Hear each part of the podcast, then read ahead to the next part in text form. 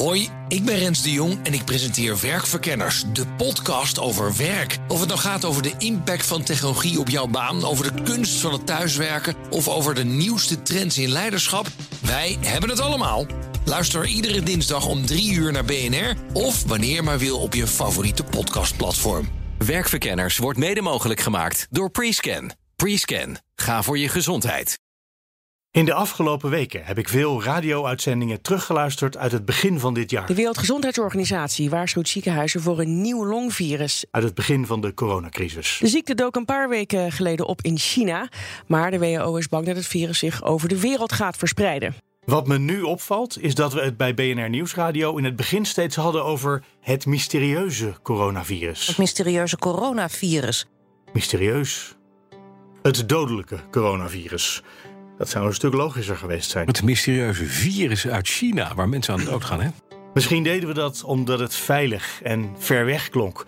Een virus ergens in de binnenlanden van China. Bijna 200 mensen zijn inmiddels besmet, ook in Thailand en Japan. Alle andere gevaarlijke virussen, ebola, SARS, MERS, Zika, al die andere hadden we ook zonder al te veel kleerscheuren doorstaan. Ja, die nieuwe variant van het coronavirus. En zelfs de Mexicaanse griep, of varkensgriep, die wel toesloeg in ons land in 2009, waardoor meer dan 2000 mensen in het ziekenhuis terechtkwamen en uiteindelijk 63 mensen overleden. Zelfs daarvan wisten we de gevolgen toch binnen de perken te houden. Na Thailand is dat ook opgedoken in Japan. Er gingen geen grenzen dicht en je kon gewoon naar de kapper als je wilde. En ineens was er toen dat mysterieuze coronavirus. Volgens het RIVM is de kans dat het virus in Nederland opduikt heel klein. Dat hier waarschijnlijk niet zou komen en waar we sowieso goed op voorbereid waren, dachten we. Deze podcast, Stilte op het Binnenhof, gaat over wat er toen gebeurde in de wandelgangen van de macht.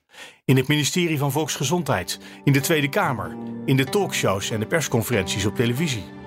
Over wat er gebeurde in de politiek aan het begin van de coronacrisis. Stilte op het Binnenhof is een podcast van BNR. Gemaakt door mij, Mark Beekhuis. En de verhalen die je hier hoort, die komen uit het gelijknamige boek van mijn collega's Sophie van Leeuwen en Laurens Boven. Aflevering 1. Wat er gebeurt als Tweede Kamerleden praten. Zullen we even door het, door het raampje naar binnen kijken, Laurens?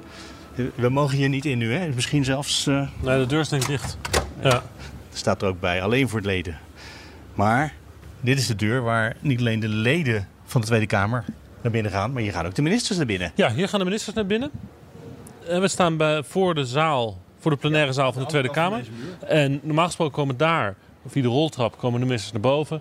Komen dan hier op deze, in deze vierde.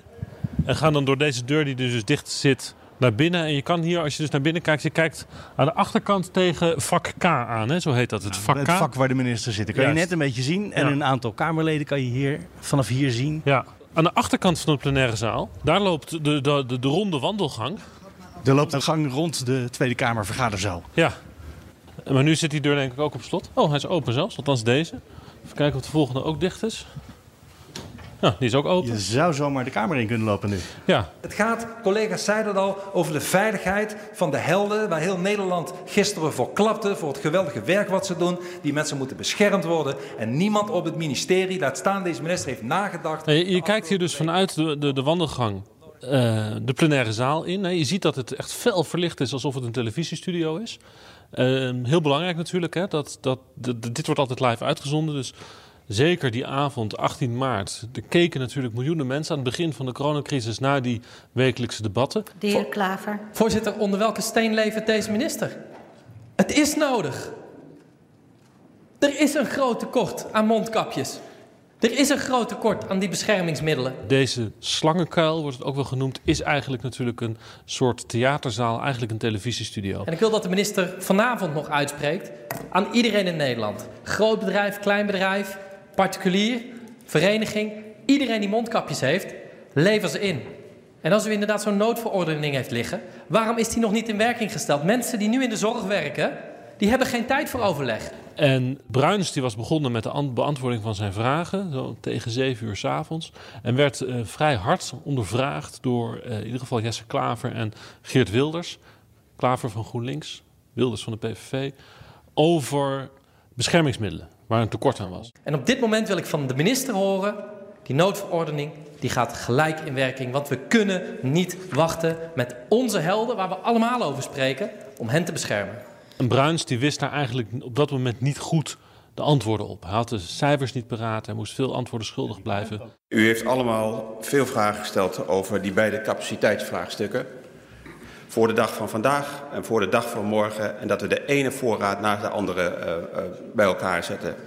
Het vorderen uh, van, van mondkapjes, dan, daarvoor, dat vind ik een ontzettend ingewikkelde maatregel om die toe te passen. Omdat ik liever op basis van de vrijwilligheid werk. Maar als het nodig is, zal ik niet aarzelen om dat vorderingsbesluit in te stellen. De Kamer raakte steeds meer geïrriteerd. De minister ja, leek niet in control.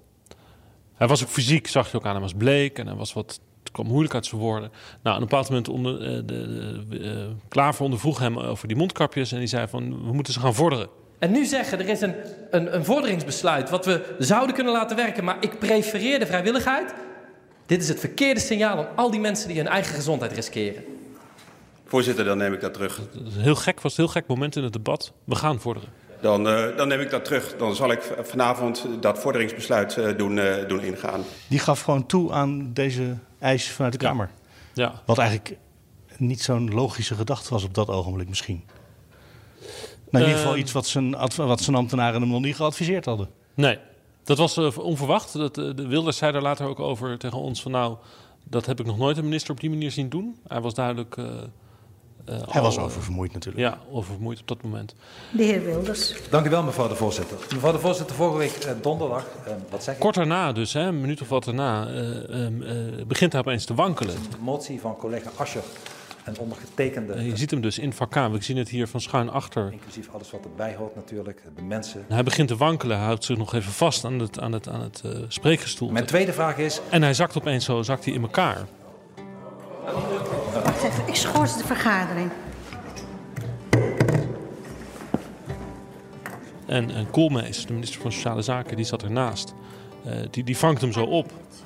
Hele uh, indrukwekkende beelden eigenlijk natuurlijk. De hele kamer schrok. Je ziet de angst en de schrik in de zaal natuurlijk ook uh, bij, de, bij de Kamerleden. Ariep, de voorzitter, die schorste meteen de vergadering. En nou, Bruins die, wordt, hè, die, die lijkt dan weer rechtop te staan en lijkt dan weer door te willen gaan. En, maar onder druk van zijn collega's wordt hij dan toch hier, hè, zo door deze gang, hier naar deze deur aan de linkerkant van ons geleid. Waar dus hierachter de, het ledenrestaurant zit. Gewoon om even bij te komen ja. zitten, even wat drinken. Ja, en toen is Ariep is er naartoe gegaan. Pas een beetje op jezelf, zei ze. Volgens mensen die daarbij waren, die we hebben gesproken. En uh, nou, toen was het eigenlijk vrij snel duidelijk dat Bruins niet dus voortkomt met het debat. Het debat is wel verder gegaan met de andere ministers die er die avond bij waren.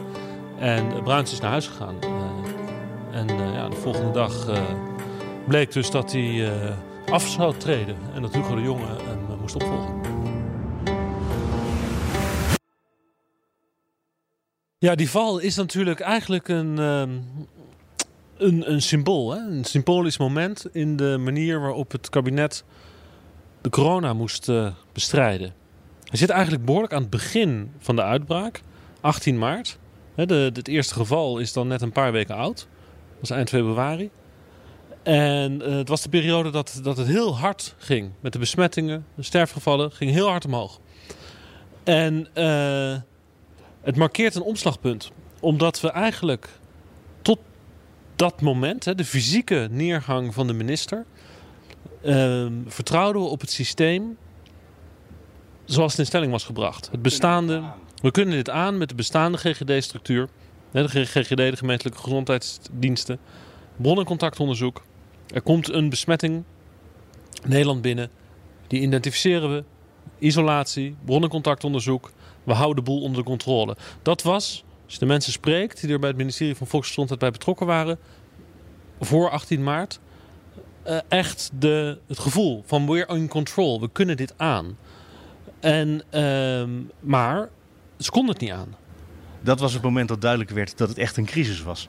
De druk werd dus zo groot dat de minister flauw viel onder de druk. He, dus het, zeg maar, het besef daalde in van we kunnen dit niet aan. En de, de minister gaat neer. Al in uh, uh, een paar dagen daarvoor had het OMT, dat is het adviesorgaan van de, van de regering, hè, van de RIVM, die dus de corona-adviezen uitbracht, had al geconstateerd dat um, het, uh, het indammen eigenlijk in delen van Nederland niet lukte. Dus ze konden de ketens niet meer in kaart brengen. Van hoe de besmettingen bij verschillende personen tot stand was gekomen. Dus de fase van het indammen was mislukt. En ik, ik vind dat in het hele, in de, zeg maar als je terugdenkt aan het begin van de periode, een, een cruciale constatering. Dat is al binnen een week of twee, drie na de eerste besmetting de GGD's de conclusie trekken: de dijken zijn gebroken, we kunnen het niet meer aan. Maar daarmee was in Nederland dus de zicht op het virus kwijt. Ja. En uh, terwijl in alle scenario's, zoals ze gemaakt waren voordat de besmettingen uh, daadwerkelijk in Nederland aankwamen, uh, het uitgangspunt was dat je het virus in beeld houdt. Zolang dat overeind blijft, lukt het. En mij viel op dat als je de brieven van Bruins terugleest, die hij dus naar de Tweede Kamer stuurde in de maanden januari, februari over het virus en de scenario's en de protocollen en de verwachtingen, uh, van een eerste besmetting en wat daarna zou gebeuren, eigenlijk steeds uitgegaan wordt van dat er een patiënt wordt geïdentificeerd. Eentje. Enkelvoud.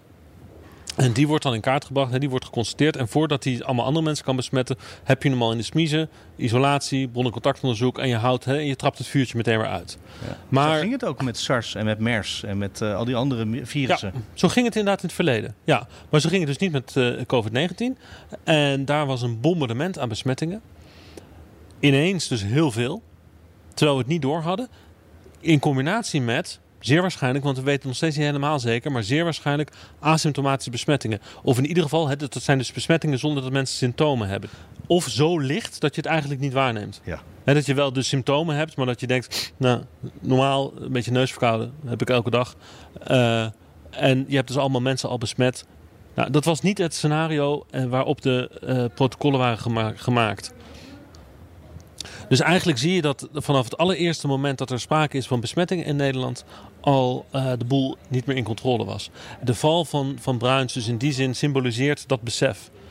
Een minister die als symbool voor een systeem bezwijkt.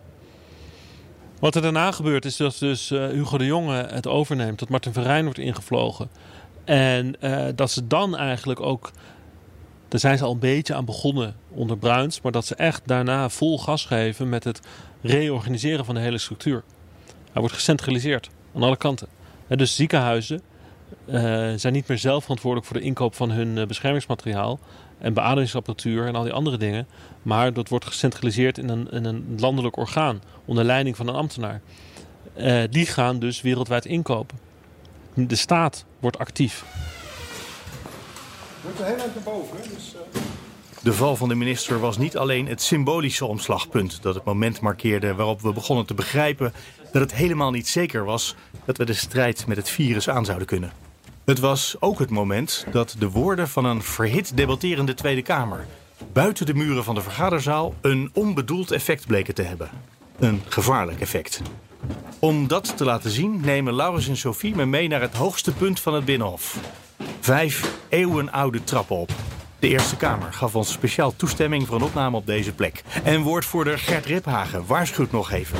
heel hard pas op. Net voor we het dak van het gebouw opstappen.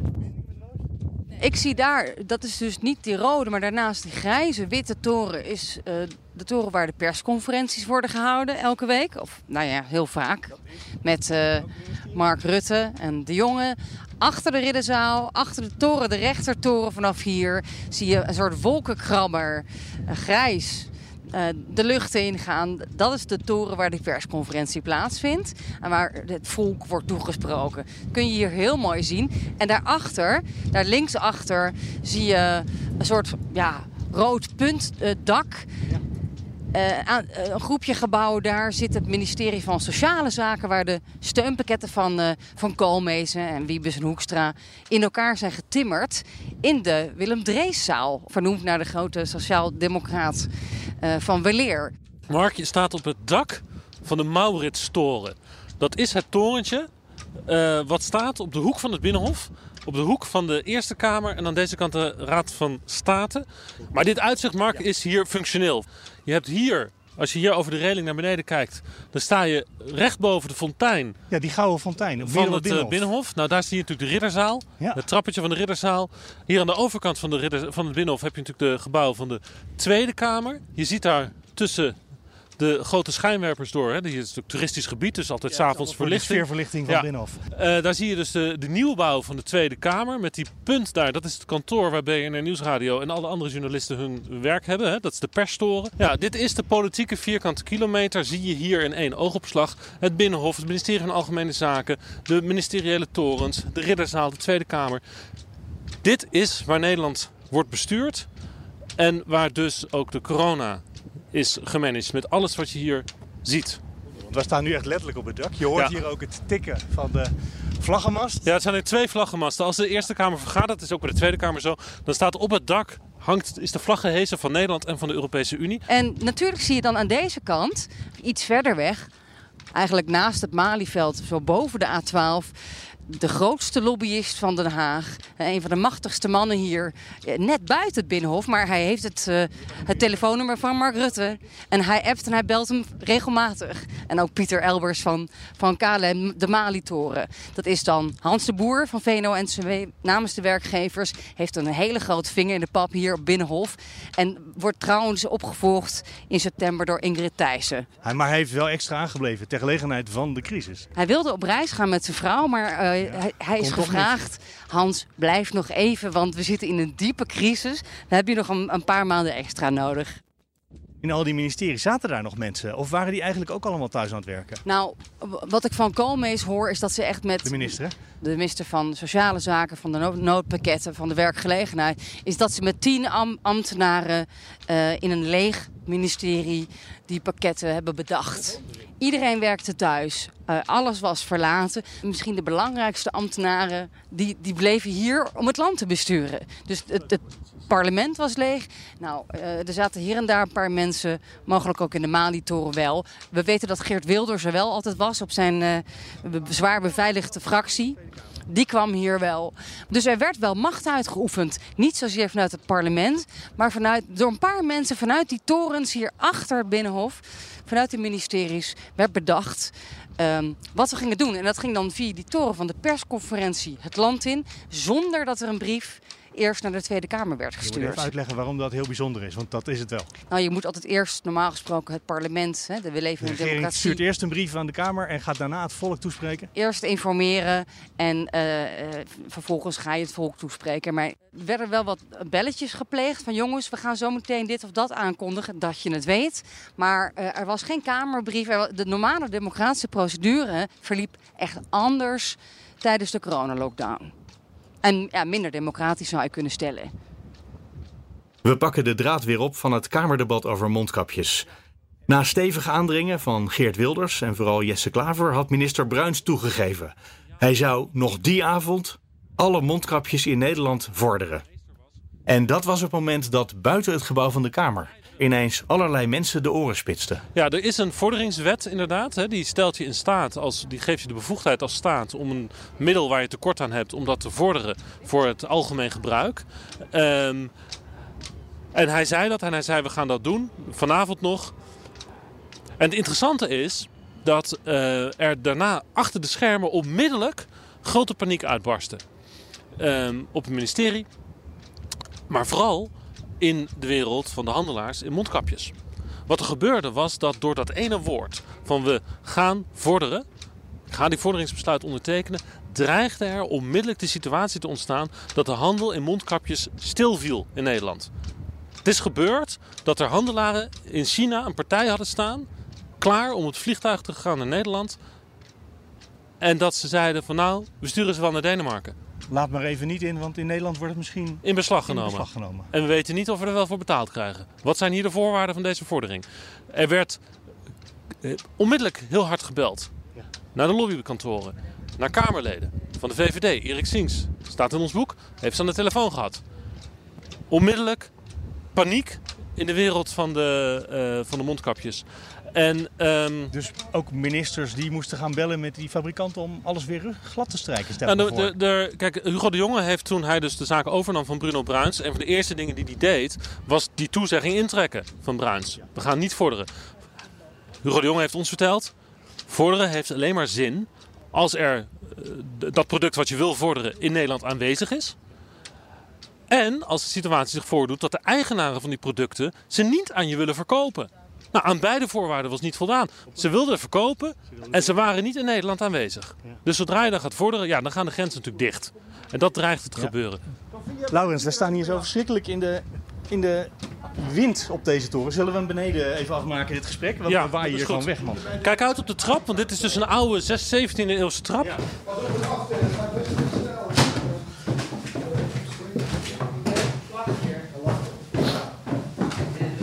zijn even een stukje naar beneden gelopen, een paar trappen af weer. Uit die, eh, vanaf het winderige dak van de Maurits-toren. We hadden het over het moment dat eigenlijk de paniek losbarstte in het eh, ministerie. Want de minister had iets geks gezegd. Ja. De handel buiten kwam eigenlijk terwijl we zoveel nodig hadden. Juist op dat ogenblik kwam alles tot stilstand. Die Tweede Kamer, die praten met elkaar. En dat klinkt, ja, praten. Hè? Hoe ernstig kan het zijn? Ja. Juist daardoor kwam er van alles ineens in gevaar. Ja, en dat is bij die eh, mondkapjes eh, gebeurd. Dat is eh, meerdere keren gebeurd. Dat is ook in de discussie gebeurd over het testmateriaal. Hè, Roche, de Zwitserse farmaceutische producent, die het testmateriaal produceert om corona aan te tonen bij mensen.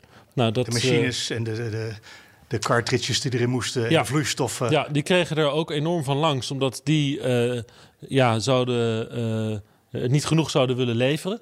Of althans niet konden leveren en vervolgens eh, op de receptuur zouden blijven zitten uit commercieel bedrijfsbelang. Nou, daar ging het ook behoorlijk hard aan toe in de Tweede Kamer. En wat je daar dus ook achter de schermen hoort, is dat dat ook bij, bij Roche behoorlijk eh, ja, tot irritaties heeft geleid. En zo van jongens, jullie eh, be- behandelen ons toch nog wel respectvol. Want er zijn heel veel landen die dit dat willen. soort woorden ook echt. Dat ze, want dan zeg je eigenlijk, de Kamer is respectloos op het ogenblik. Nou, de Kamer gaat op dat soort momenten dus eigenlijk een beetje als een olifant door de porseleinskast. En eh, het interessante is wat er dus volgens mij gebeurt. Kijk, de Tweede Kamer is formeel hè, medewetgever. Ze zijn controleur van de regering, maar ze zijn ook medewetgever. Dus de Tweede Kamer is er heel erg aan gewend om heel tot in het detail mee te denken met de minister over de uitvoering van het beleid. Dat zie je bijvoorbeeld ook als het gaat over een militaire missie. Dan gaat de Tweede Kamer heel gedetailleerd meedenken met de minister over wat voor soort bewapening, wat voor soort helikopters, nou, al, dat soort zaken er mee moeten om die missie uit te kunnen voeren. En dat soort dat soortzelfde mechaniek of datzelfde gebeurtenissen zag je in de manier waarop de Tweede Kamer omging met die eh, corona-uitbraak. Behalve dat de buitenwereld er in dit geval direct op reageerde. Ja. Dus dat het effecten had waar ze... Nou, die, die hadden ze kennelijk niet aanzien komen in de Kamer. Daar waren ze zich niet van bewust. Of althans, ehm eh, speelde geen rol. Eh, en eh, dat was wel heel interessant. Dat is eigenlijk een interessante les van deze crisis. Dat dus als die manier van, van politiek bedrijven die de Tweede Kamer gewend is, plaatsvindt op het moment dat er echt gewoon de hele wereld letterlijk meekijkt naar wat er in zo'n parlement gebeurt, dat er vrij snel, laten we zeggen, misverstanden ontstaan. Tussen de Haagse politieke werkelijkheid en wat een bedrijfsleven of, of, of een handelaar in mondkapjes eh, daarvan vindt of denkt. Maar is, zijn Kamerleden daarvan overtuigd? Want ik kan me ook voorstellen dat er Kamerleden zijn die zeggen... ja, ik ben een politicus, dit is wat ik doe. Nou, je ziet dus dat bijvoorbeeld bij de VVD wordt er echt geschamperd op wat, eh, wat, wat GroenLinks dus zei over dat eh mondkapjesvorderingsbesluit. Ja. Daarvan zei de, C- de, de, de, bij de VVD zeggen ze dan van nou, de, dan zie je dus dat, dat, eh, dat zo'n man als Klaver nooit in het bedrijfsleven heeft gewerkt. Ja, wat je ook ziet op zo'n moment is dat de Tweede Kamer dus eigenlijk moet accepteren dat er grenzen zijn aan de macht van de staat. In het controleren van de ontwikkelingen in de wereld. En dat is heel moeilijk voor een Kamerlid. Om dus de, de, de, de, het nee of ik weet het niet of we doen ons best, maar geen garanties zijn gegarandeerd. Als dat het antwoord is van de minister, dat vindt een Kamer heel vervelend om te accepteren. Ja, die willen een datum en een aantal. Juist. Op 24 november hebben we zoveel mondkapjes op voorraad. Ja, precies. En dat er grenzen zijn aan de macht. En dat je dus afhankelijk bent van anderen. Op zo'n moment, dat is onverteerbaar. Kan het anders? Want een Kamer kan natuurlijk. Kijk, normaal als je onderhandelt, dat is iets wat de premier ons regelmatig helpt herinneren. Onderhandelen doe je het beste achter gesloten deuren. Maar Ja, maar dat doe je ook vergadert openbaar, per definitie. Ja, nou, lang niet alles hoor. Er zijn bijvoorbeeld dingen. Hè, ze zijn nu bezig met eh, ehm, eh, de vaccins. En eh, de begroting die, de, die, het- die de, de minister beschikbaar heeft om die vaccins straks in te kopen, die is geheim. Dus het bedrag wat Nederland beschikbaar heeft, wordt geheim gehouden vanwege de onderhandelingspositie ten opzichte van het bedrijfsleven. Hè, want als de farmaceut die dat vaccin produceert weet, wij hebben 300 miljoen beschikbaar, nou, dan weet je precies wat de prijs wordt voor dat vaccin. Ja, dus de minister en het ministerie hebben het door. Maar de Kamer vergadert toch altijd openbaar. Dus alles wat altijd. besproken nee. wordt. Nee, nee, nee. De Kamer vergadert ook wel eens achter gesloten deuren. Als het gaat over KLM of over. Hè, dat, dat gaat heel veel ook achter gesloten deuren. Maar eh, op dit moment, ja, dit soort dingen werden natuurlijk publiek besproken. Want het waren ook gewoon. eh er was ook een echt probleem. Er waren mensen zonder beschermingsmiddelen aan het werk in de gezondheidszorg bij COVID-patiënten. Dus dat was een reëel probleem. En eh, de Kamer eh, ja, ze gaat dan meedenken met de minister om dat probleem misschien op te kunnen lossen. Maar in dat meedenken richten ze eigenlijk meer schade aan dan dat het nou helpt.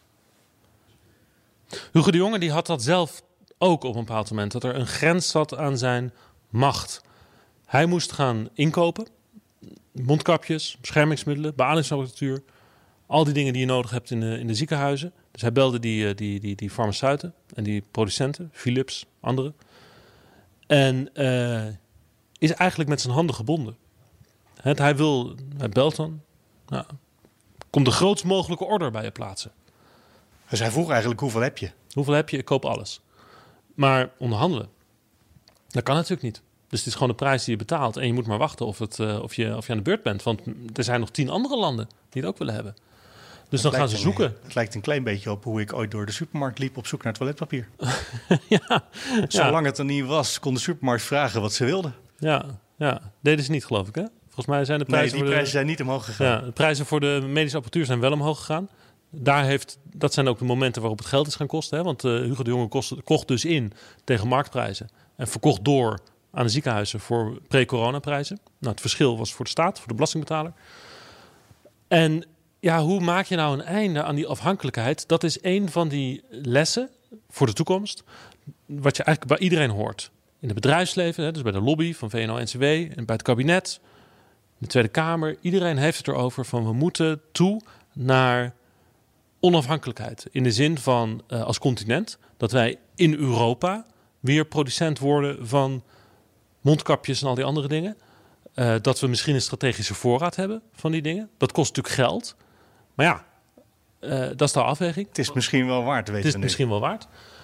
Ehm, en dat je dus eh, ja, iets doet met die, met, die, met die internationale supply chain, hè? die leverketen, die just-in-time productie, die in het bedrijfsleven zo normaal geworden is. Efficiëntie, voorraad kost geld. Maar als er dus een kink in de kabel komt, als het systeem vastloopt, kost dat ook heel veel geld. Dus je hoort ook bij verschillende partijen, niet alleen op links, ook bij rechts en ook bij de bedrijvenlobby, we moeten misschien toe naar een andere vorm van globalisering. Globalisering is goed. Deling van eh, iedereen, elk land specialiseert zich op zijn, eh, op zijn, op zijn kerntaken. Dat, dat helpt. Leer je in de economieboekjes op de basisschool, op de middelbare school. Maar we zijn te ver doorgeschoten. Dus het, is de, niet het enige. Je moet er misschien nog iets naast hebben. ja, je moet dus een, eh, een, een, een, een veiligheidsmarge inbouwen. En die veiligheidsmarge, dat kan wel eens de coronales worden die we in de jaren 20 van de 21ste eeuw gaan zien. Dat er dus een, een, een meer solide economische structuur komt, een meer solide gezondheidszorgstelsel. Dat we een volgende pandemie aan kunnen. Hugo de Jonge die, die zei eh, over wat er achter de schermen gebeurde op zijn ministerie, dat, dat hij aan het hozen was. Hozen, hozen. Hij zegt het, het water klotst eh, over de randen. Dus hij schetste voor mij een beeld van een, een soort zinkend schip. Of een, een, schip dat Ze aan het zinken ternauwernood bij. ja, zo, zo voelde dat voor hem. En, en hij was dus dag en nacht bezig. want Hij sliep nauwelijks eh, in zijn hoofd eh, eh, op zoek naar oplossingen. Van wie kan ik nog meer bellen? En ehm, als een gek waren ze aan, als, aan het werk. Ook om, om dus als inkooporganisatie om het allemaal voor elkaar te krijgen. En je zou denken, het is een groot ministerie. Er zitten veel mensen. Er zijn duizend of zo eh, bij, ze, bij hem. Ja, maar dat zijn geen mensen die gewend zijn natuurlijk om eh, verantwoordelijk te zijn voor hè, de beademingsapparatuur. Nee, maar dat is de minister ook niet. Maar die, die was dus zelf persoonlijk hiermee bezig om te kijken hoe houden we alles in beweging. Oh, hij zegt, ik, ik moest me daar wel mee gaan bemoeien. Dus uh, hij is de minister en hij, gaat, uh, hij heeft invloed. Hij gaat mensen op hoge posities bellen. Uh, die, hem, die contacten hebben, misschien in het buitenland. Die een goed woordje voor hem kunnen doen. Ik ben de minister hè, van Nederland. Um, dus dat maakt wilt u mij wel indruk. Hier spreekt de minister van Nederland. Nou ja, dat hoopte, dat hoopte hij dan maar. Maar goed, Nederland was natuurlijk niet het eerste land in de rij. Zeker ja, niet met maar ons misschien toch meer dan... Uh, hallo, ik ben de eerste verkoopmedewerker. Uh. Precies, dus uh, dan gaat de minister bellen. Hij heeft ook de koning gevraagd om te bellen... in de hoop dat dat indruk maakt... en, en dat al die beschermingsmiddelen of beademingsapparatuur onze kant uit zou komen. We weten trouwens niet zeker of dat de koning is gelukt. Um, we waren niet het enige land op zoek naar help met een zinkend schip je bent natuurlijk niet bij geweest. Maar weet jij hoe zo'n gesprek dan liep? Als dan de minister belde naar pak een beet een, medicijnfabrikant in China of in, uh, in India of een importeur van zo'n bedrijf? Nou, dat was niet altijd, altijd makkelijk, denk ik. En ook niet evident dat, hè, dat Nederland dan de, het gelukkige lang zou, zou, zou zijn en en uh, bovenaan de lijst zou komen. Dus wat we wel weten is, de, jongen misschien was het eerst, nou, u, u, mag achteraan in de rij, of er zijn nog uh, twintig wachtenden voor u. We weten dat hij ook wel een worstje voor heeft gehouden, of heeft aangeboden, goh, misschien kan ik iets voor u doen. Hoe kunnen wij u helpen? Uh, u helpt ons, kunnen we investeren, kunnen we hè, ergens een bijdrage leveren. Dus hij heeft, denk ik, gevochten als een leeuw om ertussen te komen. Om... Geprobeerd creatief met die mensen te praten op zoek naar iets waardoor ze ons liever zouden willen leveren dan pak een beter Denen. Ja, hij probeert mensen te paaien of op een creatieve manier inderdaad uh, ons, uh, ons hoger op de lijst te krijgen, ons Nederland. Uh, want ja, er was nou eenmaal geen Europees inkoopmechanisme. En het was, het was ja, de minister van, van Den Haag tegen de minister van Parijs of Madrid. Of misschien Washington. En het was een groot probleem om aan genoeg spul te komen. Maar dit werd erger doordat er in de Kamer werd gezegd: Weet je wat, we gaan vorderen. Weet je wat, we eisen het recept van eh, de machines van Roche. Ik denk dat in het algemeen uh, uh, men Nederland wel als een aardig, sympathiek land ziet. Hè. We hebben, nu even niet. Maar uh, ja, in de Tweede Kamer ging het er op een gegeven moment hard aan toe. En werden er ook harde eisen gesteld aan bijvoorbeeld minister Bruins, toen nog van Medische Zorg. Die moest... Maar eigenlijk aan de grote bedrijven. Precies. De, de politiek eiste, de Tweede Kamer eiste en, en Bruins gaf dat op een zeker moment toe, vlak voordat hij omviel. Wij gaan mondkapjes vorderen. Wij gaan dat in beslag nemen. Dat is uh, de, vra de vraag die toen uit de Tweede Kamer kwam van Jesse Klaver van GroenLinks. Ja, dat leidde achter de schermen tot woede, paniek, uh, boze telefoontjes en uh, ook een tijdelijke stop hebben wij gehoord. Uh, van waarom zou een, een bedrijf nog aan Nederland spullen gaan leveren als dat direct gevorderd zou worden door de staat? Dat is alles wat een ondernemer niet wil. Dat virus, dat zou hier niet komen. En bovendien, we waren goed voorbereid. Want bij het RIVM werken de beste deskundigen van de hele wereld. En misschien is dat laatste ook wel zo. Maar goed voorbereid waren we niet toen het virus toch kwam. En toen ontstond iets dat alleen in Nederland bestaat: de intelligente lockdown. Daarover gaat de volgende aflevering van Stilte op het Binnenhof.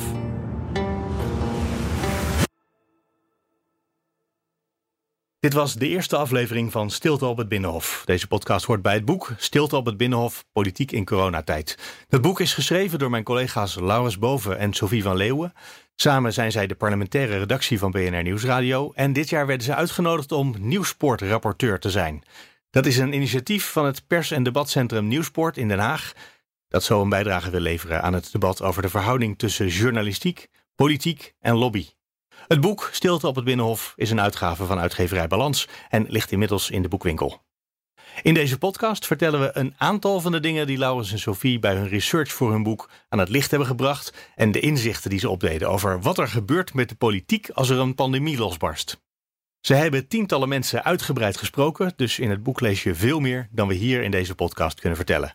Deze podcast is een productie van BNR, gemaakt door mij, Mark Beekhuis.